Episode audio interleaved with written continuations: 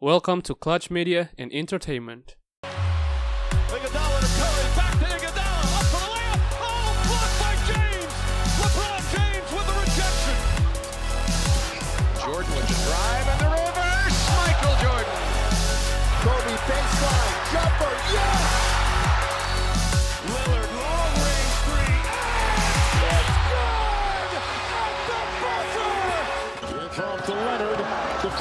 Simmons.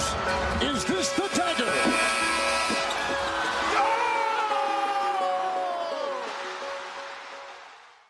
Oke, kembali lagi bersama kita di Clutch Zone Podcast. Uh, bersama gue, Muhammad Okten sebagai host, dan ditemani oleh Fauzan Zaki, seperti biasa. Yo, what's up? What's down, everybody? Dan kita juga kedatangan tamu, tamu spesial nih, yaitu Adrian. Halo, halo. Dia ini uh, salah satu kontributor dari podcast Bundesliga, yaitu Spieltech. Uh, shout out to Spieltech. Dan by the way, NBA ini baru ngerilis ya, NBA Team All Decade versi mereka. Dan daripada kita ngebuat uh, Team All Decade versi kita sendiri, kita mau ngebuat uh, list 5 pemain terbaik dari posisi masing-masing sejak uh, post Jordan era atau tahun 2000.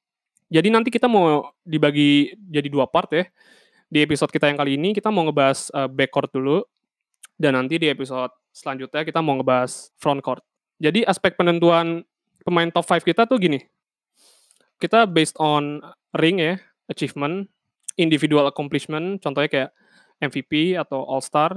Terus ada longevity juga, impact uh, pemain tersebut untuk tim mereka. Terus ada subjektivitas dari kita masing-masing juga sih. Jadi uh, masing-masing dari kita bikin list 1 sampai 5 buat masing-masing posisi. Terus kita uh, udah ngejumlahin poin juga yang didapat oleh pemain-pemain tersebut dari peringkat 5 sampai peringkat 1. Jadi peringkat 5 uh, dapat satu poin, peringkat 4 dapat 2 poin dan seterusnya. Jadi peringkat 1 dapat dapat 5 poin, dapat yang paling gede. Dan kita langsung aja nih ya. Jadi uh, untuk point guard nomor 5 ada Jason Kidd. Ini gimana nih Jason Kidd? Jason Kidd ya. Menurut gue nih pemain yang eh, mirip-mirip sama Steve Nash ya. Cuman mungkin eh, kenapa kita naruh Jason Kidd di peringkat 5 karena kita jarang sih nontonnya. Jadi tapi maksud gue eh, Jason Kidd ini cukup memorable. Gue ingetnya waktu lawan LeBron yang pertama 2010-2011 dia Jason Terry sama Dirk ini bener-bener bener-bener apa ya menyatu gitu mainnya satu sama lain dan dia jadi jenderal lapangannya kan. Dan Jason Kidd ini kan emang salah satu talent yang salah satu yang paling bagus lah di draftnya. Jadi sekarang juga di dunia NBA dia ya jadi asisten coachnya Frank Vogel di Lakers pernah jadi head coachnya Nets sama Bucks. Jadi kalau out of topic dikit menurut gue dia punya kemampuan yang kalau dari segi permainan sih bagus sih kalau lu gimana Zak? Menarik, menarik. Kalau gue sendiri sih sebenarnya menempatkan Jason Kidd ini di peringkat 2 best point guard menurut gue ya.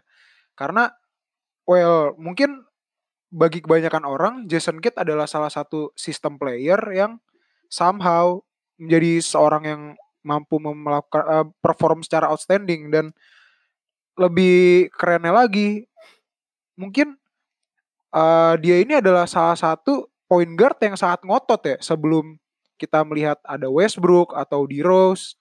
Um, Jason Kidd ini salah satu pemain yang fenomenal dan bisa dibilang cukup apa ya punya suatu sisi menarik sendiri lah dibanding point guard point guard lain di masanya. Kalau gue sendiri sih gue nggak masukin uh, Jason Kidd ya di top 5 gue. Gue malah masukinnya Kyrie. Cuma yang milih Kyrie cuma gue ya jadi nggak masuk yang masuk Jason Kidd. Terus abis itu ada Russell Westbrook nih. Gue denger-denger Zaki nggak masukin ke top 5 dia nih. Kenapa nih Zak? Obviously stat padding. I my stat padding. God. Dan tapi gini sih, bukan gue bukan bermasuk bermaksud hate ke Westbrook ya atau Westbrook, tapi um, gue bukan tipe orang yang suka sama karakteristik seorang Westbrook sendiri sih dan gue merasa dia walaupun dia bisa mengendalikan egonya, tapi yang gue rasa eh yang gue rasa membuat gue jadi nggak terlalu suka dengan karakter dan cara bermain Westbrook adalah basketball IQ-nya yang menurut gue cukup bisa dipertanyakan. Dia kalau bisa kita lihat Westbrook ini sering banget nge- membuat shooting-shooting yang perlu dipertanyakan. Padahal kita tahu skill shooting Westbrook sendiri juga kurang mumpuni. Bisa dibilang dia adalah seorang Ben Simmons yang terlalu pede nge-shoot. Jadi ya menurut gua itu juga kenapa gua nggak memasukin Westbrook ke top 5 all time gua dan dia juga belum menang ring sih. Gue jujur aja nggak setuju sama pendapatnya Zaki sih. Kenapa tuh? Pertama, Westbrook ini gue udah kenal kenal lagi. Nonton dia dari zaman dia playoff pertama sama OKC Thunder lawan Lakers waktu itu jadi juara di musim itu. Mhm. Dan dia menurut gua gua ng- mungkin gak tahu ya, gue nggak nonton basket dari tahun 80 70-an, tapi salah satu yang menurut gua eksplosif tak bisa segala macam hal, dia bisa defense, dia bisa rebound, dia bisa obviously dia bisa assist, dia juga bisa cetak poin juga dan yang lebih menariknya lagi dia itu kan apa? Triple double udah berapa musim ya? Tiga kali berturut-turut. Tiga kali berturut-turut. MVP 2015-2016 dan yang menurut gue menariknya juga dia punya kalau menurut gue ini nilai plusnya dia loyalitas dia buat OKC itu menurut gue udah nggak bisa dibantahkan lagi lah. Jadi dan yang paling utama adalah dia selalu double digit dia average poinnya dan sekarang dia udah 23 poin rata-rata dari seluruh musim dia main dan itu menurut gue cukup luar biasa walaupun di dua musim terakhir dia agak-agak maruk ya kalau bisa dibilang Ah. tapi itu menurut gua nggak mempengaruhi nilai dia sih Kalau Russell Westbrook menurut gua gimana ya? Dia itu tuh apa ya? Modern day Oscar Robertson gitu. Lu mau bilang dia stat padding ya silakan, tapi gimana ya? Kenapa orang nggak bilang kalau Kobe itu stat padding padahal tuh dia field goal attempt-nya tuh per game tuh bisa gila banget gitu. nah itu dia sih Nah, mungkin karena menurut gua dia terlalu maksa banget ya kayak Ah. ketara banget gitu Iya dia kelihatan sih maksanya emang kelihatan. ha. Tapi walaupun Kobe maksa, dia punya sebuah bisa dibilang karisma dalam basket ya karena em, bisa dibilang Kobe adalah pemain yang man get out of the way, get out of the way, I can do this. Jadi semacam apa ya? Dia bisa melewati segala rintangan yang ada di hadapannya dia. Dia punya confidence yang merubah dia dan menghasil eh, memberi dia sebutan Black Mamba, Mamba mentality. Jadi memang mentalitas seorang Kobe Bryant ini berbeda dengan Russell Westbrook. Mungkin di sisi lain gini sih, bisa jadi orang-orang menganggap Westbrook ini adalah seorang pemain yang hebat karena setelah sekian lama nggak ada seorang point guard yang mampu melakukan atau mencet, eh, membuat stat triple double seperti Oscar Robertson pada masanya. Jadi mungkin ini juga bisa dibilang adalah suatu efek jeda yang cukup lama di mana point guard itu bisa dibilang eh, apa ya masa-masa point guard all around itu jedanya sangat lama dari Oscar Robertson sampai ke Russell Westbrook. Hmm. Terus eh, selanjutnya ada Chris Paul. Nomor tiga ada Chris Paul. Gimana tanggapannya Chris Paul? Chris Paul gue cuma inget julukannya aja point guard jadi emang dia salah satu draft tahun 2005 kan nggak begitu bagus ya nah menurut gue dia ini satu-satunya pemain yang sampai sekarang level permainannya masih tinggi dan yang gue kaget sih sebenarnya waktu dia musim pertama di Houston sebenarnya kalau boleh jujur ya gue sih nggak yakin kalau si Pitri gak cedera Warriors bisa ke final sih. Dan menurut gue itulah impactnya dia dan dia juga udah bikin impact yang cukup besar di New Orleans yang waktu dia kalau nggak salah masuk final wilayah barat koreksi kalau misalkan gue salah dan di Clippers juga Clippers itu kan franchise yang masih kurang lah prestasinya. Dia Blake Griffin sama DeAndre Jordan sempat bawa ke final wilayah barat dan itu menurut gue salah satu dari prestasi dia sih. Walaupun dia di kadang-kadang suka tingkah gitu ya nggak jelas banget. Tapi ya masih oke lah buat jadi peringkat nomor 4 Kalau Zaki gimana Zaki? Kalau menurut gue Chris Paul ini adalah seorang pemain yang sangat konsisten ya. Dan ini berbanding terbalik dengan Russell Westbrook. Oh iya, dan gue lupa ngebahas Russell Westbrook itu punya masalah di turnover. Dia adalah seorang pemain yang sangat prone terhadap turnover. Nah, Chris Paul ini berbanding terbalik. Dia adalah seorang pemain yang sangat mampu menjaga Ngebikin possession dengan baik. Dan ngebikin musuh turnover Iya, dan membuat musuh turnover. dengan Jadi, stealnya gila. tapi ada suatu titik di mana Chris Paul ini tuh terlalu konsisten, saking konsistennya dia nggak bisa semacam apa ya, dia tidak bisa melakukan hal-hal yang luar biasa, mungkin bisa dibilang blowout ya, dia nggak bisa tiba-tiba nge-score 50 poin atau 60 poin, layaknya Steph Curry ketika lagi wangi banget dari 3 point. Jadi saking konsistennya ini ya bisa dibilang memang dia konsisten, dia bisa menciptakan assist, dia punya court vision yang bagus, dia juga bisa melakukan shooting ataupun 3 point.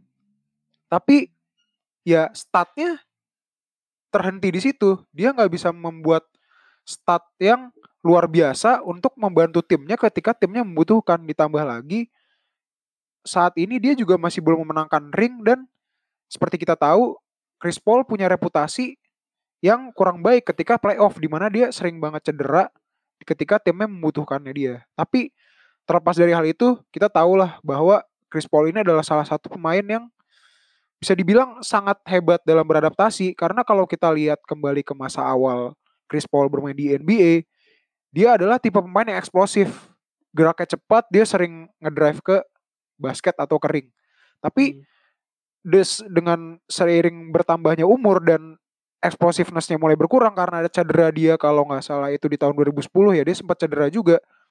Dia merevolusi permainannya dan beradaptasi menjadi seorang mo- modern point guard lah bisa dibilang. Dia mulai bermain three point, dia mulai melakukan meningkatkan kemampuannya dalam mid range shoot dan dia melakukan itu dengan efisiensi efisiensi rate yang menurut gue juga lumayan sangat bagus. Oke.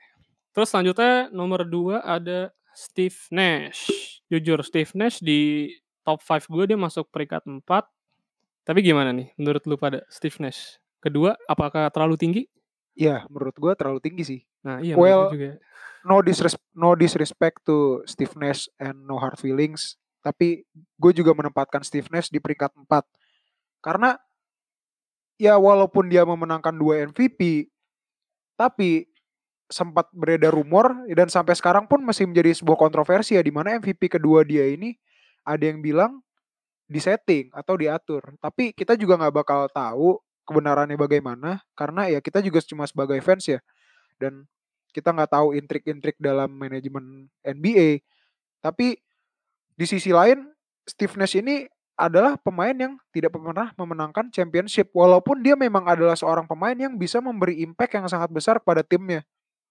Terbukti ketika dulu dia pindah dari Dallas Mavericks ke Phoenix Suns, dia langsung merevolusi gaya permainan Phoenix Suns menjadi menurut gue sangat entertaining dan dia mengangkat tim Phoenix Suns yang awalnya losing record menjadi winning record di musim berikutnya. Mungkin ini juga menjadi salah satu alasan kenapa Steve Nash juga bisa menjadi top 5 point guard menurut kita dan dia juga memiliki karir yang cukup panjang sebagai seorang pemain. Apalagi dia juga pemain yang bisa dibilang nggak terlalu atletik dan tingginya juga cuma six feet deh kalau nggak salah. Kalau Adrian gimana Adrian? Oke. Gue harus bilang karena gue bandwagon tapi gue nggak suka Golden State ya. Tapi waktu waktu gue masih awal-awal akhir SD itu gue suka Phoenix Suns dan semua tahu lah Steve Nash mainnya di Phoenix Suns yang paling cemerlang. Hmm. Yang gue pengen kasih tahu emang susah kalau nggak nggak lihat dia main secara langsung ya. Dan menurut gue dia itu bener-bener nyawanya Phoenix Suns waktu itu sama Amari Stoudemire. Waktu itu juga sama Jason Richardson yang sampai eh, final wilayah barat lawan Kobe ya kalah juga sih. Cuman maksud gue ini pemain ini bener-bener jarang banget ada sih di masa NBA sekarang dan prestasinya seperti dibilang two times MVP, All NBA tujuh kali, eh masuk Hall of Fame juga. Jadi menurut gue sebenarnya nggak ada yang perlu diperdebatkan sih dari Steve Nash dan Steve Nash kan tipikal yang pass first point guard kan. Jadi dia lebih mengutamakan assist dan flow mainnya tim. Tapi di sisi lain juga selain assist yang bagus, tapi dia juga selalu eh selalu membuat poin yang dirata-ratain sih lumayan 14 poin eh selama karirnya dan itu eh yang paling puncaknya dia sampai masuk 18 poin, hampir 19 poin. Jadi menurut gua no debate lah. Terus lanjut nomor satu siapa lagi kalau bukan Steph Curry. Kalau gua sendiri gimana ya? Jujur nothing much to say lah ya. Best shooter of all time, back to back MVP walaupun belum pernah menang Finals MVP. Terus tiga kali champion. Segede-gedeknya gue sama Curry ya kalau udah ngomongin top 5 sih ya udah pasti sih dia gitu nomor pertama. Kecuali kita bikin tim yang apa top 5 position of all time mungkin gue bakal masukin Magic Johnson di situ tapi karena kita sejak post Jordan era ya jadi gue lebih prefer ya Curry di sini. Dan kita juga nggak boleh lupa dia adalah pemain pertama dan satu-satunya pemain yang pernah memenangkan unanimous MVP atau MVP mutlak di mana semua orang memilih Steph Curry menjadi peringkat satu MVP. Jadi Hmm. mungkin gini sih, mungkin banyak orang yang mengunderestimate seorang Steph Curry. Mungkin dia nggak seatletik Kobe atau seatletik LeBron James atau dia permainannya dia mungkin nggak semenarik ketika kita menyaksikan Black Griffin di awal karirnya ya mungkin. Tapi kita juga perlu tahu bahwa Steph Curry ini adalah seorang pemain yang merevolusi NBA ke modern era sekarang di mana three point itu bisa menjadi sangat berharga ketika uh, suatu possession dimainkan. Ya, kita bisa melihatlah di tahun 2008 three point attempt dalam satu musim dari seluruh tim itu cuma di angka 700-an. Dan musim lalu three point attempt dari seluruh tim NBA dalam satu musim itu mencapai 7000 attempt. Well, kalau kita lihat itu bertambah sebanyak 10 kali lipat.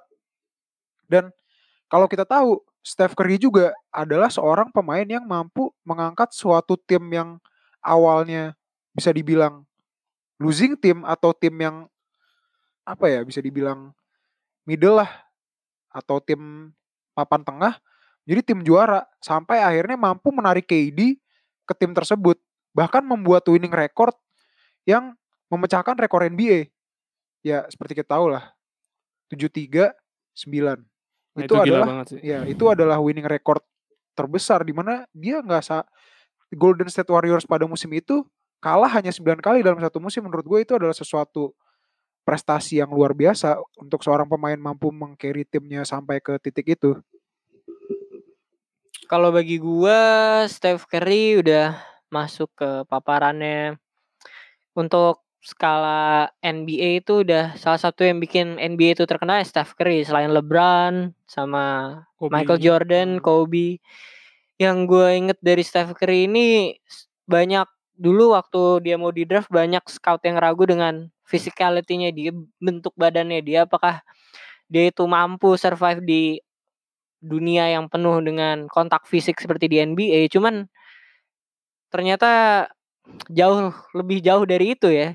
73 and 9 uh, back to back MVP dan ya itu tadi menurut gue yang paling besar perannya Curry itu adalah di mana dia sulit sekali untuk di uh, di defend gitu ya. Jadi dia bisa nge- nge-shoot dari mana aja dan itu limitless range yang bikin banyak orang itu susah gitu. Jadinya dia greatest shooter of all time.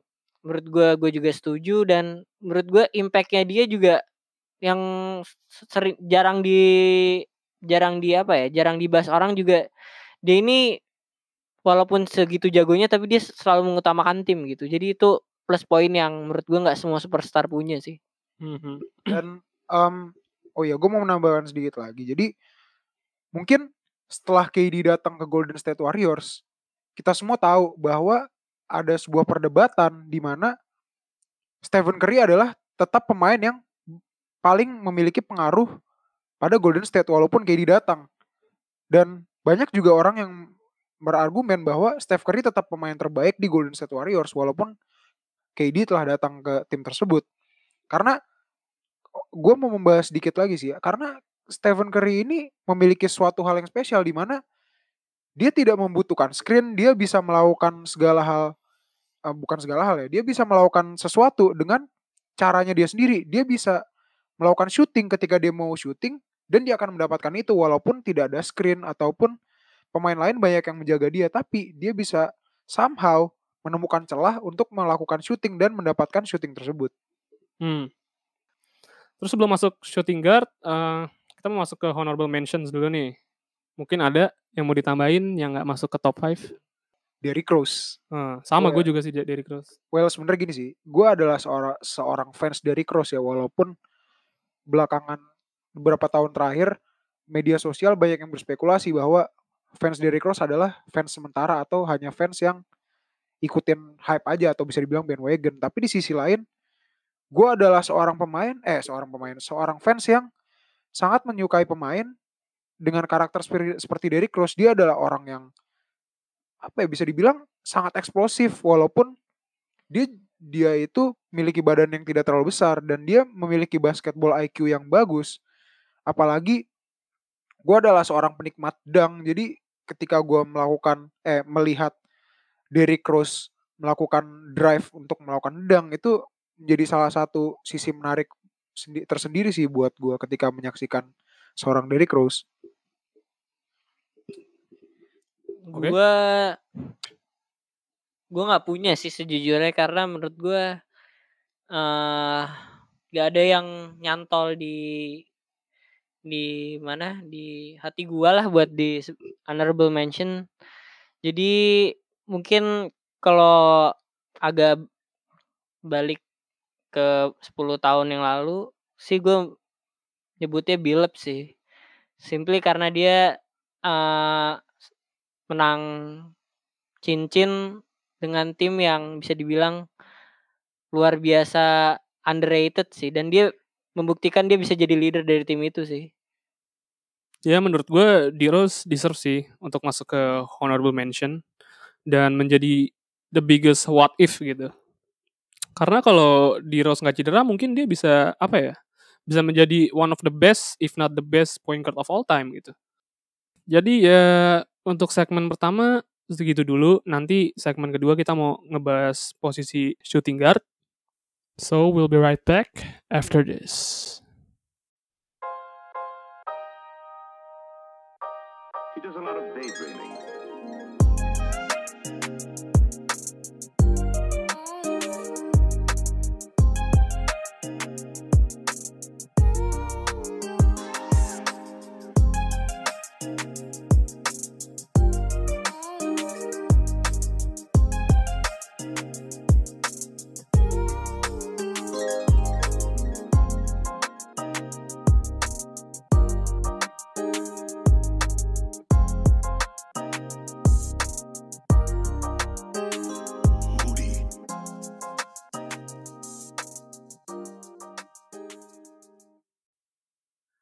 Oke, kembali lagi bersama kita di Cloud Zone Podcast. Uh, di segmen kedua kali ini kita mau ngebahas shooting guard.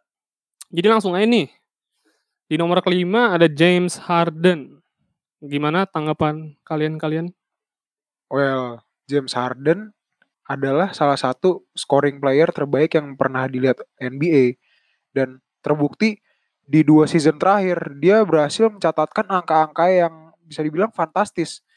Apalagi musim lalu dia memecahkan rekor scoring streaknya Chamberlain ya kalau nggak salah, Will Chamberlain 30 poin plus di 30 38 game secara berturut-turut.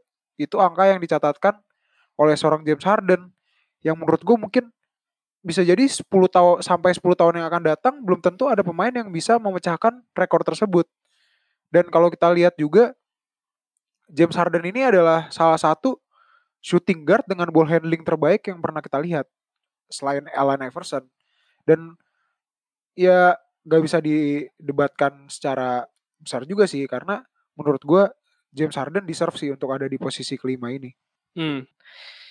Mungkin yang pengen gue tambahin dari Harden juga yang gue lihat sih emang kalau lu lihat dari zaman dia masih jadi six man di OKC emang ini pemain spesial sih dan akhirnya banyak orang yang mulai pantengin Harden mulai s- waktu dia pindah ke Houston kan dan puncaknya eh 2 3 musim ke belakang average poinnya itu eh 30 poin lebih dan dia jadi MVP juga. Mungkin yang perlu dibuktiin dari Harden ini sebenarnya cuman satu, gimana dia bisa main bagus di eh playoff gitu. Playoff series. Banyak eh bercandaan-bercandaan bahwa playoff Harden tuh nggak ada karena dia cuman bisa main di regular season. Jadi itu sih yang menurut gue challenge dia ke depannya apalagi di NBA sekarang udah nggak ada super team dan gue rasa kedatangan Westbrook bisa jadi partner yang cocok sih sama Harden. Hmm. Ya mungkin ini juga sih faktor yang membuat Harden belum bisa ada di eh, peringkat lebih baik dari peringkat 5 karena Harden juga belum punya ring. Dan sejauh ini kita lihat playoff performance dari Harden ini selalu underperform. Dia selalu underperform di playoff dan kalau bisa dilihat pengaruhnya itu juga mungkin dari keputusan wasit. Karena ketika regular season wasit mungkin akan lebih longgar ketika memberikan foul kepada seorang pemain. Tapi ketika memasuki playoff wasit akan lebih selektif dalam menentukan foul-foul yang akan diberikan kepada kontak ataupun eh, pelanggaran yang dilakukan oleh, oleh seorang pemain terhadap Harden dan bisa dibilang mungkin Harden juga agak sedikit flopping ya tapi itu sedikit lebih subjektif aja sih Nggak ada yang mau debatin step back ke Harden itu travel. Di gimana ya ini gimana menurut lo Indri? Gue pernah lihat dia ditanya kayak gitu sama anak kecil lagi ada acara Adidas gitu dia bilang ya jelas itu nggak travel lah jadi gue percaya aja sih sama Harden Lagian wasit juga nggak manggil travel ya, jadi harusnya fine fine aja sih. Tapi memang itu agak-agak susah sih Iya, karena agak sus gitu, iya, posisi- itu. posisi kaki dan bolanya itu agak susah juga ya kalau wasit harus menentukan itu traveling atau enggak. dan dan eh, step back kayak gini udah mulai ditiru banyak pemain sih jadi gue rasa kayaknya sampai segitu banyak pemain yang niru gue rasa enggak ya Hmm. jadi aman sih Ya Kemba juga musim lalu udah mulai nila- mulai mulai niru step backnya Harden sih kalau gue lihat-lihat. Eh, terus selanjutnya nomor 4 ada AI Allen Iverson ini kok peringkat 4 sih nih. Aduh. Gimana nih? Siapa nih yang nge- ngevote peringkat 4 nih? gue bahkan Allen Iverson kayaknya nggak masuk di top 5 gue Oh deh my god. Zaki gimana Zaki? Ini Adrian cukup kontroversial nih. Well, sorry, em, bukan bukan bermaksud tidak menghormati seorang Allen Iverson karena kita tahu Allen Iverson adalah salah satu pemain dengan ball handling terbaik yang pernah ada di NBA dan salah satu pemain dengan kemampuan scoring yang terbaik yang yang terbaik juga di NBA bahkan klip-klip ketika masa-masa awal dia bermain di NBA yang apa dia melakukan ISO kepada Michael Jordan itu juga sangat ikonik ya. Tapi di sisi lain ada hal yang tidak bisa kita lupakan bahwa Allen Iverson ini tidak pernah memenangkan NBA champion atau dia tidak punya ring. Dan eh apa ya? Gue juga agak sedikit bingung sih bagaimana harus menempatkan seorang Allen Iverson Ka- karena kalau bisa dilihat secara subjektif bisa dibilang Allen Iverson ini memiliki skill yang lebih baik daripada Dwayne Wade tapi pencapaian seorang Allen Iverson ini bisa dibilang agak sedikit jauh dari apa yang telah dicapai oleh seorang Dwayne Wade. Jadi menurut gue posisi 4 ini adalah posisi terbaik yang bisa gue berikan kepada Allen Iverson. Hmm. Menurut gue secara subjektif tuh gimana ya? Kayak Allen Iverson in his early life tuh sulit bro. Kayak gimana ya? Waktu masih bocah tuh dia pernah masuk penjara gara-gara dia jualan narkoba. Tuh maksudnya hidupnya keras banget cuy. Terus Iya. karena setuju sih gue karena maksudnya kan dia kan African American in the 90s tuh maksudnya mereka tuh struggle banget mayoritas mereka struggle. Terus yang paling gue suka dari Allen Iverson ini tuh ya dia ngebawa culture hip hop ke dunia basket gitu. Gue sebagai fans hip hop yang playlist Spotify gue isinya orang rap semua. Gue tuh ngerasa bangga gitu dengan kontribusi Allen Iverson yang perkenalkan culture hip hop ke NBA gitu. Yang gue suka dari Iverson cuma dua pertama nickname dia di answer itu keren banget yang kedua momen ketika dia ngepoin waktu final lawan Lakers terus abis itu dia ngelangkahin Tyron Lue men itu keren banget itu ikonik banget walaupun akhirnya kalah juga sih nggak jadi juara juga cuman ya itu gue tetap merasa kayaknya dia ja, menurut gue masih kalah sih menurut gue dari Clay Thompson even. Jadi sorry ya. Kalau nggak ada Allen Iverson lu mungkin denger mixtape mixtape di basket tuh ya lagunya mungkin orang-orang nge-scream kali ya, bukan lagunya Eminem, bukan 50 Cent. Karena tuh yang ngebawa culture hip hop itu ya Allen Iverson itu sendiri. Dan AI itu juga menurut gue salah satu pemain yang menginspirasi pemain-pemain yang badannya kecil. Kalau sebenarnya masih ada harapan untuk mereka gitu untuk menjadi sukses di NBA gitu. Dengan bukti nyatanya ya dia itu sendiri gitu terus selanjutnya ada Ray Allen nah ini kebalik nih menurut gue nih kok Ray Allen bisa peringkat tiga nih Men, kita nggak bisa meng-underestimate seorang Ray Allen karena nggak bisa dipungkirin. Mungkin ini menurut gue sih, ini mungkin menurut subjektif gue atau bisa dibilang Ray Allen ini adalah salah satu or- seorang pemain yang sangat clutch. Bisa kita lihat performancenya di final 2008 atau di final terakhirnya dia ketika mengalahkan Spurs bersama Miami Heat yang dikala itu ada LeBron. Ya la- last shotnya dia sangat ikonik banget lah three point shot terakhirnya dia yang apa ya membuat permainan seri dan melanjut berlanjut ke overtime di mana LeBron waktu itu menjadi sangat clutch juga. Tapi di sisi lain Ray Allen juga adalah salah satu pemain yang memulai memulai era di mana three point itu menjadi sangat penting. Bisa dibilang dia adalah Steph Curry before Steph Curry.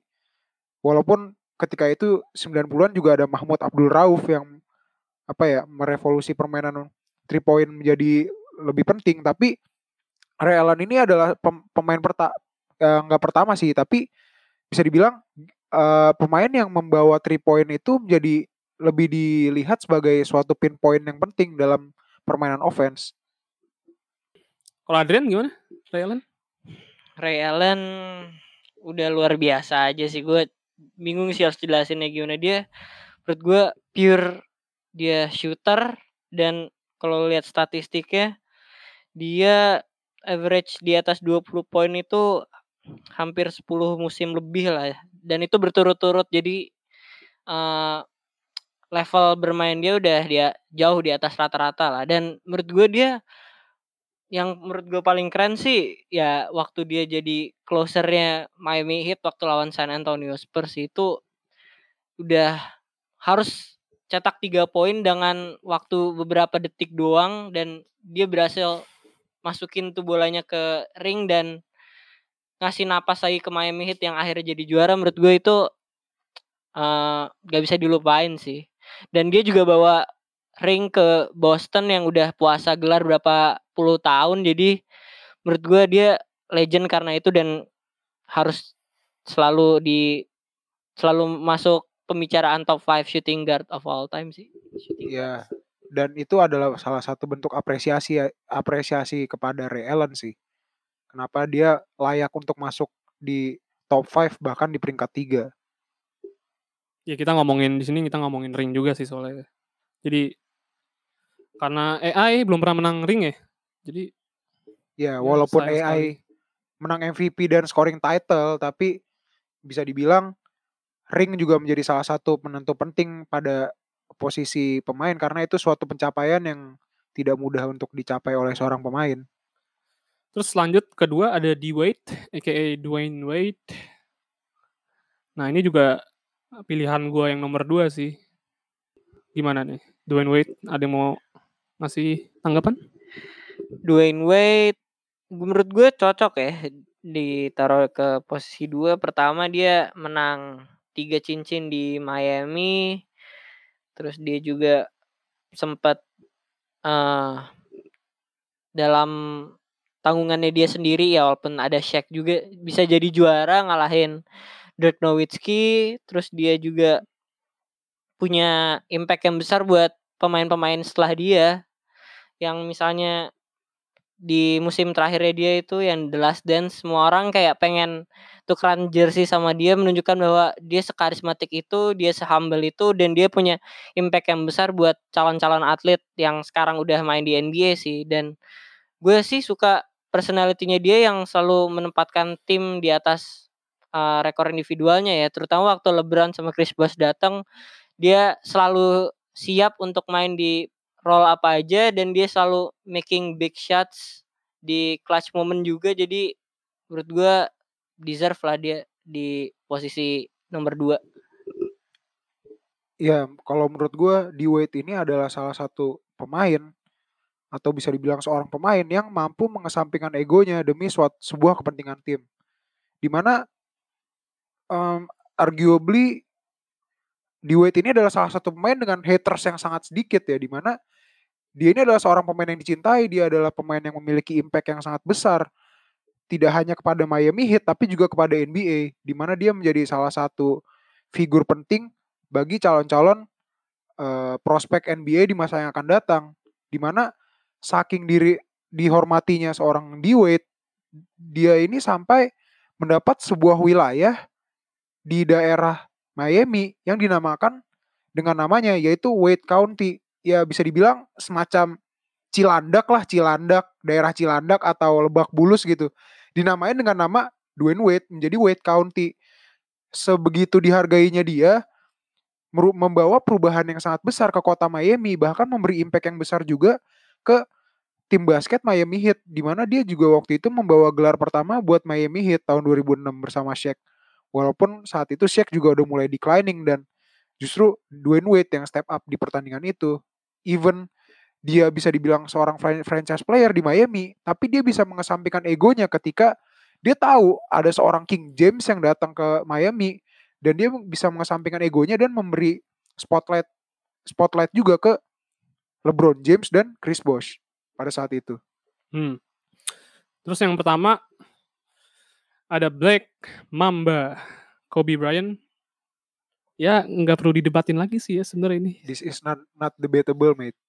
Ya, well gini sih, kalau menurut gue atau gue juga pernah denger ini, tapi gue setuju sih kepada orang yang pernah bilang ini, di mana kalau Ma Michael Jordan adalah original version, Kobe Bryant adalah remix version di mana ya dia adalah seorang pemain yang berkarakter. Kita tahu Kobe Bryant adalah bisa dibilang pemain dengan work ethic terbesar dengan jiwa juang da, jiwa juang yang sangat besar dalam sejarah NBA. Mungkin bisa dibilang dia adalah pemain yang sangat sangat pekerja keras dan sangat yakin bahwa dia bisa mencapai titik di mana tidak ada batasan yang bisa menghalangi dia untuk menjadi lebih baik. Uh, ya terbuktilah dia bisa mendapatkan lima ring, walaupun ya dia kalah-kalah tipis lah, sering banget kalah-kalah tipis di perebutan MVP, tapi ya arguably he is one of the best player of all time. So he, he deserve the first place kalau menurut gue. 81 poin sih itu gila banget. Dulu Will Chamberlain dia pernah berapa 100 poin ya. Itu belum ada 3 second violation loh. Itu dia Kobe Bryant bisa nges apa bisa ngeskor 81 poin di modern day NBA itu gila sih menurut gue ya. Tapi gue mau ngeluarin hot take sedikit deh. Ah, gimana tuh? Mamba mentality tuh overratednya tuh parah sih kok gue. gue gak habis pikir maksudnya Mamba mentality tuh yang kayak gimana sih gitu. Maksud gue gue ngelihat musim awal musim kemarin Jason Tatum itu latihan sama Kobe kan. Kok malah jadi lebih buruk dari musim sebelumnya gitu. Jadi Mamba mentality itu positif apa negatif apa cuman berlaku kalau waktu apa gitu. Jadi gue bingung aja gitu. Mungkin Jason Tatum itu emang dasarnya tuh slam mentality gitu. Jadi dia mau diapain juga sama Kobe ya susah mungkin. nggak tahu ya. Mungkin gini sih. Ini bukan gue nggak bisa bilang Jason Tatum slam mentality, tapi dia ini seperti ke, kebingungan siapa sih sebenarnya role model dia. Dulu dia dia pernah bilang LeBron James adalah role model dia dan dia sangat dia adalah salah satu fans terbesar LeBron James bahkan sering banget foto sama LeBron James ketika muda tapi entah bagaimana tiba-tiba dia jadi melakukan workout dengan Kobe Bryant dan berlatih mid range mid range shot yang menurut gue di modern day NBA ini agak sedikit kurang efektif. Dan kita lihat musim lalu rata-rata mid range shot yang dilakukan oleh Jason Tatum malah menjadi apa ya menjadi menjadi halangan pada ofensifnya Boston Celtics. Tapi kembali lagi ke Mamba mentality kalau menurut gue sendiri ini lebih semacam apa ya sebuah apa sih gue juga bingung ini lebih kayak hype aja sih hype ketika seorang pemain itu jadi clutch atau dia memiliki work ethic yang besar aja di permainannya gue setuju sih cuman Mamba mentality masih menurut gue konsep yang abstrak sih. Tapi gue respect Kobe Bryant lah. Dia salah satu yang terbaik lah di posisi shooting guard of all time gitu. Cuman mungkin bentuk marketing aja kali ya menurut gue ya. Mamba mentality itu. Bisa jadi sih karena waktu itu dia juga melakukan campaign bersama Nike atau ya mungkin gue bakal searching-searching lagi sih kenapa dia dijuluki em, diberi julukan Black Mamba atau Mamba mentality itu ada pada awalnya tapi di sisi lain ya menurut gue dia adalah second best shooting guard of all time di belakang Michael Michael Jordan dan salah satunya satu-satunya hal yang menghalangi dia adalah emosionalnya dia dan egonya dia cukup besar yang membuat terkadang eh, teammate dia atau teman-teman satu timnya itu agak sedikit uncomfortable ketika mereka kurang perform atau bisa dibilang tidak menunjukkan work ethic yang cukup di depan seorang Kobe. Tapi kurang lebih Michael Jordan juga bukannya gitu ya. Dia suka ada kontroversi juga kan sama teman-temannya. Iya sih. Yang gue inget sih Kobe Bryant tuh selalu apa ya? Selalu ngerosting pemain apa Lakers sendiri kalau lagi latihan gitu.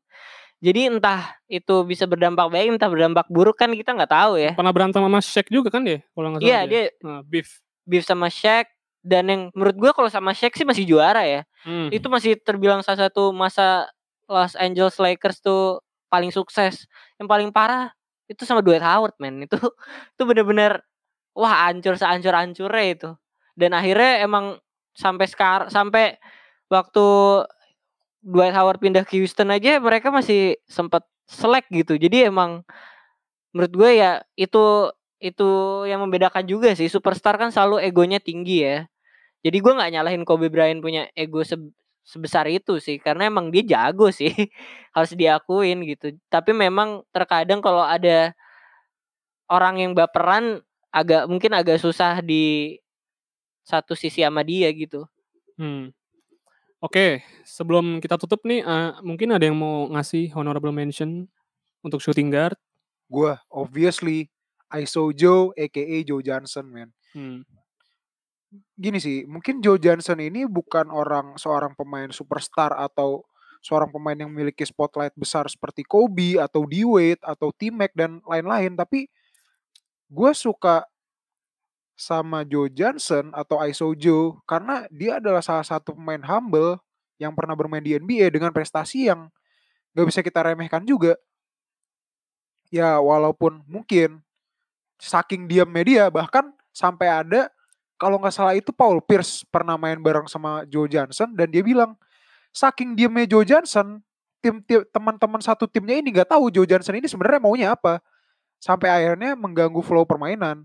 Dan bahkan Joe Johnson ketika ditanya reporter terkait take itu dia bilang iya mereka benar saya terlalu diam. Sampai karena ya emang saya di, suka jadi pendiam aja.